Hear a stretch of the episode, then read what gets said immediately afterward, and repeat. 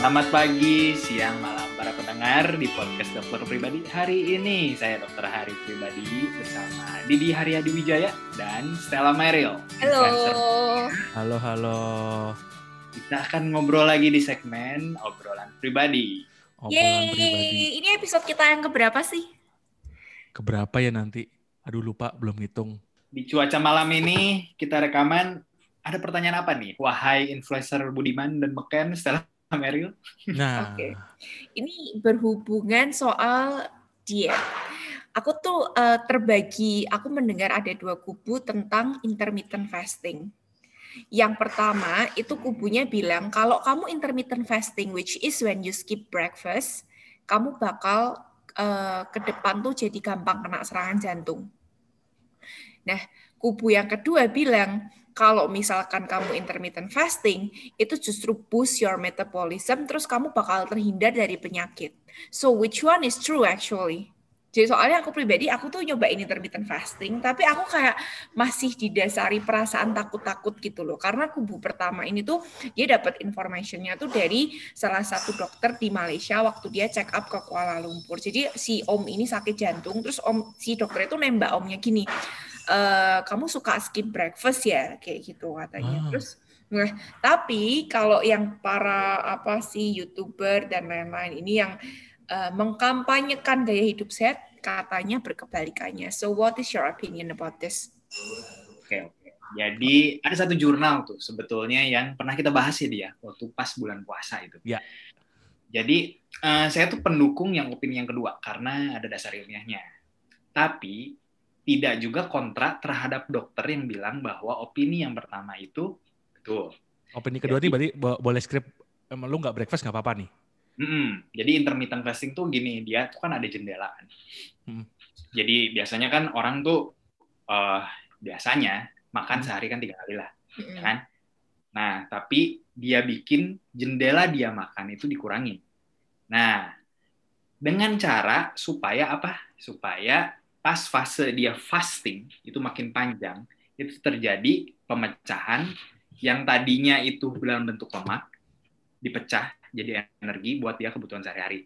Jadi sepanjang Hmm. dia berpuasa, dia akan mendapatkan energinya bukan dari karbohidrat yang disimpan jadi dia akan membakar energinya dari bahan selain karbohidrat. Contohnya lemak, protein. Hmm, Itu yang namanya ketika kita fasting itu jadinya ada sparing karbohidrat buat jadi energi.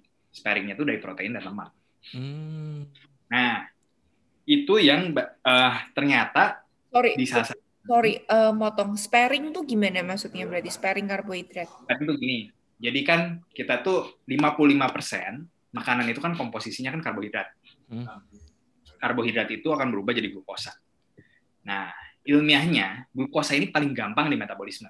Mm-mm. Nah, ketika cadangan glukosa kita habis, dia akan memecah cadangan-cadangan yang ada di dalam tubuh kita. Cadangan Oh. pertama glikogen. Glikogen itu adanya di otot. Nah, kalau glikogen udah habis, dia akan mecahnya lemak dan protein akhir. Gitu. Oh. Protein masa ototnya sendiri. Jadi kalau orang tuh eh, apa kelamaan puasa, kan ototnya kan tambah lama tambah kecil tuh. Heeh, heeh, heeh. Oh. Orang manusia kayak gitu. Nah, intermittent fasting tuh kita pengennya cuma sampai lemak tadi, lemak yang dipecah. Oh. Ternyata setelah penelitian ada salah satu jurnalnya, nanti kita kita pernah share kayaknya. eh, itu tuh kalau kita mecah metabolisme kita ya dengan memakai yang lemak tadi, itu tuh ternyata radikal bebas yang keluar dalam dalam tubuh kita itu lebih sedikit dibandingin kita mecah glukosa terus. Efeknya katanya bisa bikin anti aging, jadi lebih bagus, badannya kan jadi lean gitu, jadi lebih slim seperti itu, nggak terlalu obes, cadangan lemak di dalam tubuh kita turun. Karena eh, lemak itu kalau dia terlalu banyak bersirkulasi, dia jadi oksidan, prooksidan. Dia itu yang memicu kanker lain-lain, Hmm. serangan jantung dan lain. Nah, tetapi yang dokter itu bilang juga nggak salah.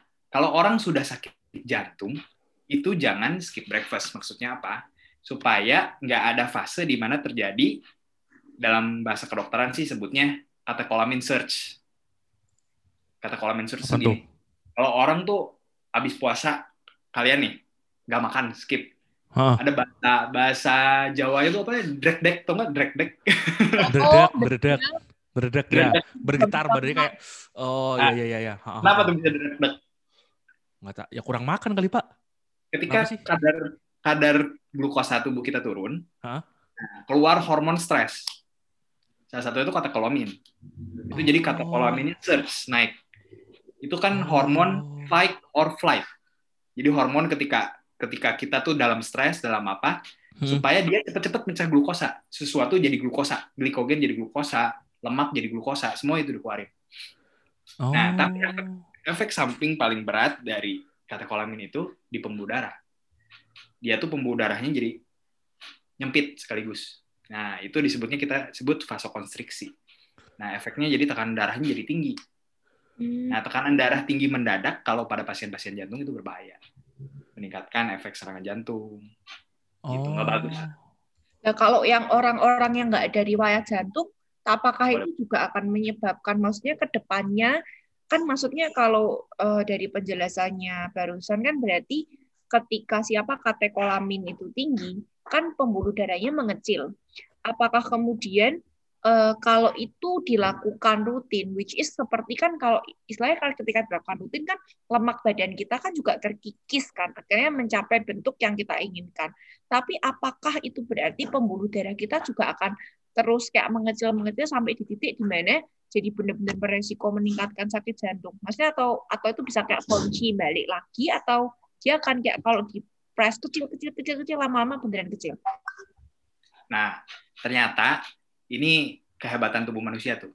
Jadi tubuh manusia itu di pembuluh darah itu ya, pembuluh darah orang dengan uh, sakit, pembuluh darah yang sakit di jantung itu berbeda dengan pembuluh darah yang normal. Jadi Bedanya? kalau pembuluh darah yang sakit, dia itu tidak ada efek pertahanan untuk mengeluarkan namanya nitric oxide. Nitric oxide itu yang dia bikin jadi si pembuluh darah itu tetap bisa jadi lebar.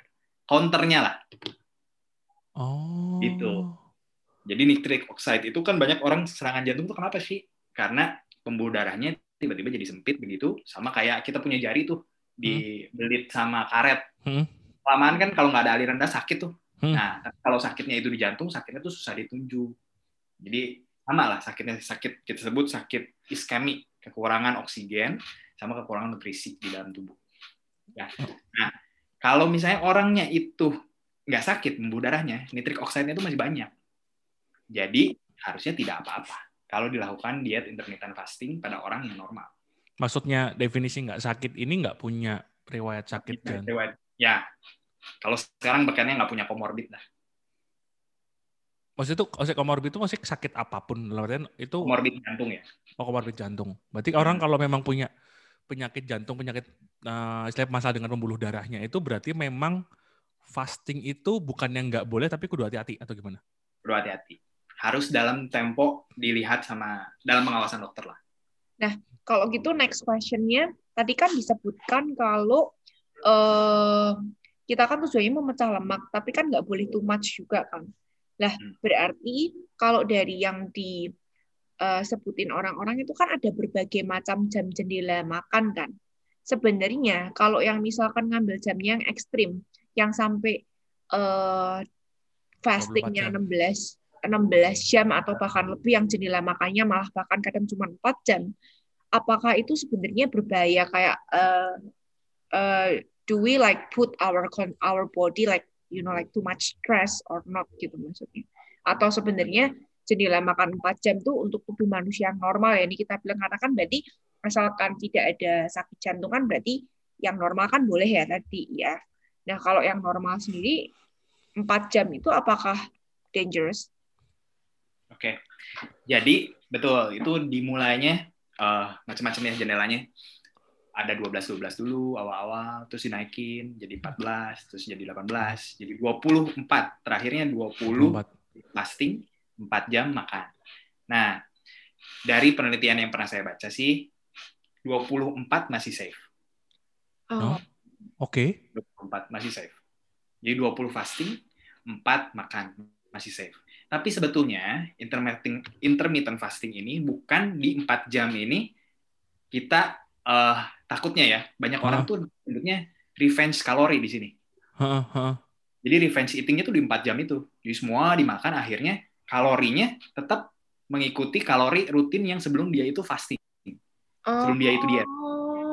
Itu nanti tidak akan berhasil. Loh, berarti kudunya karena setauku ya, pasti kan kalau yang kita tahu dari dari youtuber dari uh, kalak umum nih paling gampangnya, cuma waktu makannya dibatasin, tapi terus ya udah kamu mau makan kayak bebas kan kayak yang makan biasa itu Nah. nggak apa-apa gitu. Itu Makannya bebas ini sebenarnya gini, kita tuh pengaturan makan tuh beda ya. Setiap orang memang beda, dia nafsu makannya beda.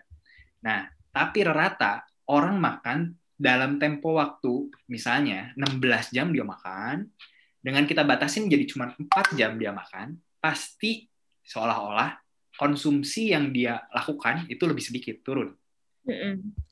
Ya kan? Walaupun Logikanya sama. juga kan, kayak udah makan dikit udah kenyang. Dan Iya. Kenapa bisa makan dikit kenyang? Karena kita tuh ada pengaturan hormonal. Ada ghrelin sama leptin, itu hormonal lah. Jadi kita tuh ada satu waktu di mana kita tuh ketika memasukkan ber, eh, sejumlah makanan, kita tuh Hmm. akan merasa kenyang. Gitu. Makanya kan Hmm. ada tempo kita tuh kalau ngunyah katanya harus 32 kali Mhm. biar diet. Maksudnya supaya apa? Supaya mendelay, supaya sinyal sinyal bahwa hormon kita untuk nih lu kenyang sekarang lu udah berhenti makan. Nah, itu tuh keluar dulu begitu.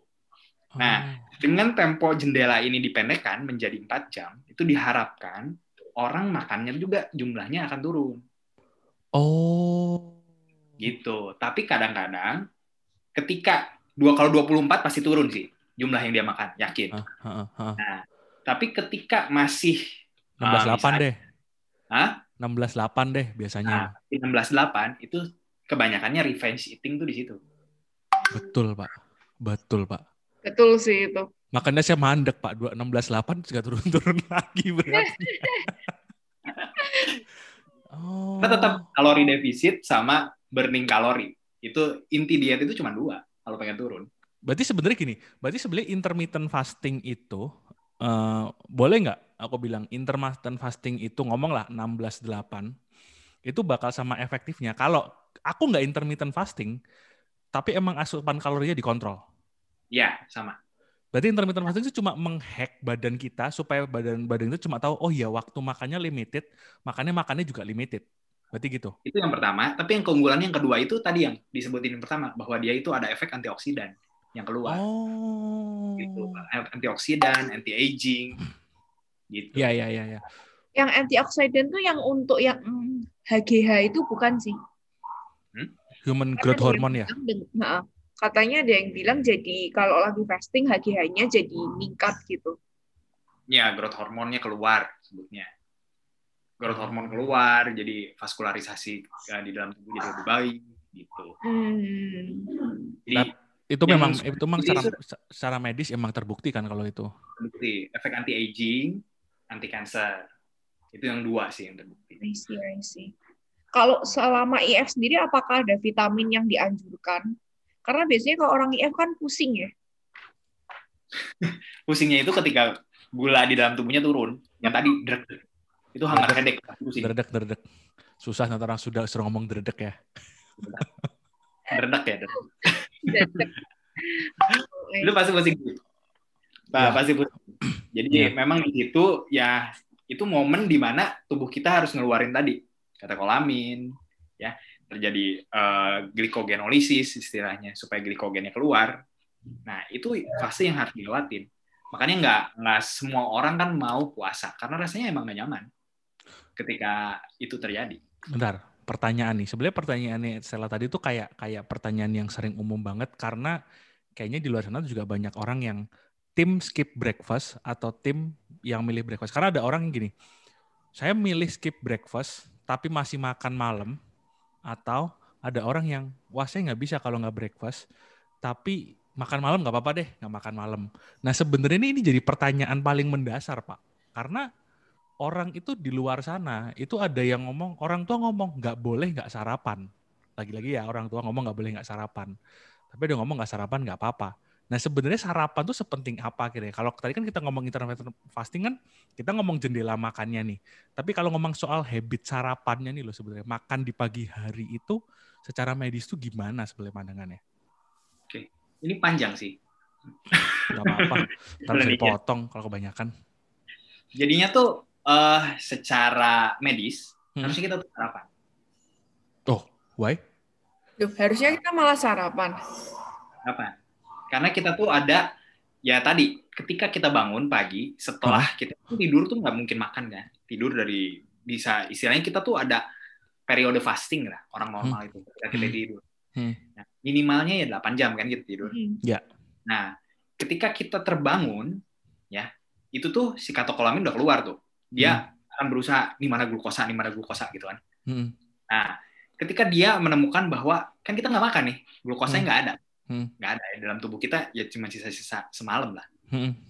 itu di jam 8 sampai 9 ketika kita sudah mulai beraktivitas itu pasti depleted glukosa di dalam tubuh kita turun hmm. jumlah nah pas pagi ini kata kolamin lagi tinggi tinggi glukosanya turun akhirnya dia dipecahkan tadi kan hmm. Hmm. dipecahkan uh, cadangan protein cadangan lemak seperti itu nah tapi periode ketika dia kosong di plitit ini, hmm. nah itu kan periode di mana keluar tuh segala simptom.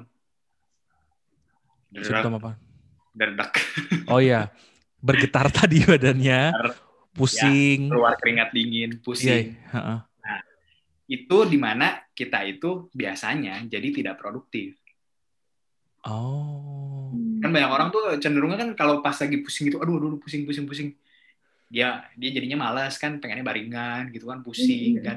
Karena bisa lemot, mikir karena lemot, bisa kreatif bisa lemot. Nah karena kita tuh oto uh, apa sel neuron kita ya sama sel eritrosit sel darah merah. Sel neuron tuh sel otak. Hmm. itu tuh paling banyak dia harus mendapatkan energinya murni dari glukosa. Jadi harus nunggu dulu Oh, jadi kalau dari makan tuh masih nunggu prosesnya gitu buat dia diolah jadi glukosa buat iya, akhirnya. Jadi ketika dia udah di jam-jamnya dia pick kosong, nggak ada cadangan, ya dia diem ngeheng. Oh, berarti kalau gitu mending intermittent fastingnya dibikin sore ya Pak. Jadi ngomong misalnya jam 9 makan, terus ngomong kalau ngomong 8 jam sampai terakhir jam 5 sore, ya udah habis itu bentar makan lagi pagi. Itu lebih baik berarti daripada kita skip breakfast uh, sebetulnya akan lebih mudah diterapkan sebutnya. Oh. Tapi tubuh tubuh kita tuh hmm. sangat sangat hebat sih, sangat gampang beradaptasi.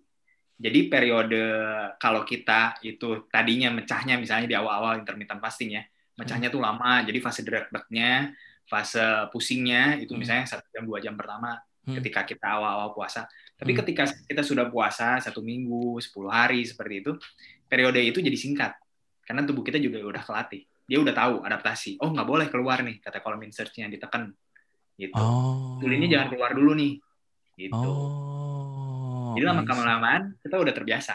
Jadi nggak bisa tuh orang pertama intermittent fasting coba langsung 24 nggak mungkin. Tapi memang orang bisa adapt berarti intinya untuk untuk adapt. bisa bisa jadi ketika si Om Deddy Corbusier ngomong bahwa orang bisa dalam waktu cukup panjang bahkan seumur hidup untuk punya jendela makan yang pendek tuh emang bisa kenyataannya. Memang bisa. Memang bisa. Dan bahkan tidak... kalau orangnya udah terlatih, ketika hmm. dia 24 pun dia masih sanggup lari 5 kilo. What? Nah, gak percaya kan? Oh. Ada guru saya lakuin itu. Hah? Dan dia di umur 60 tahun six pack. Mak makannya sehari cuma sekali, Pak? Iya.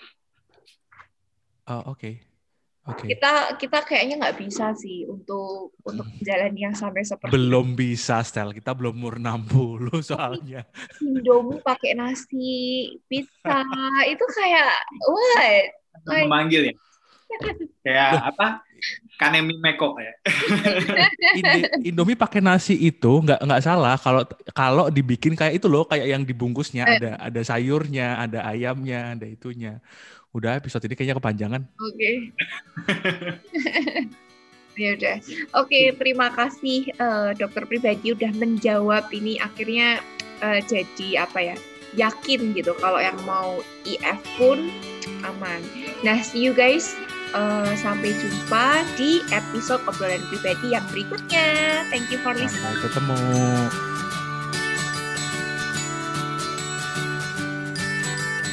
Terima kasih untuk sudah mendengarkan sesi ini.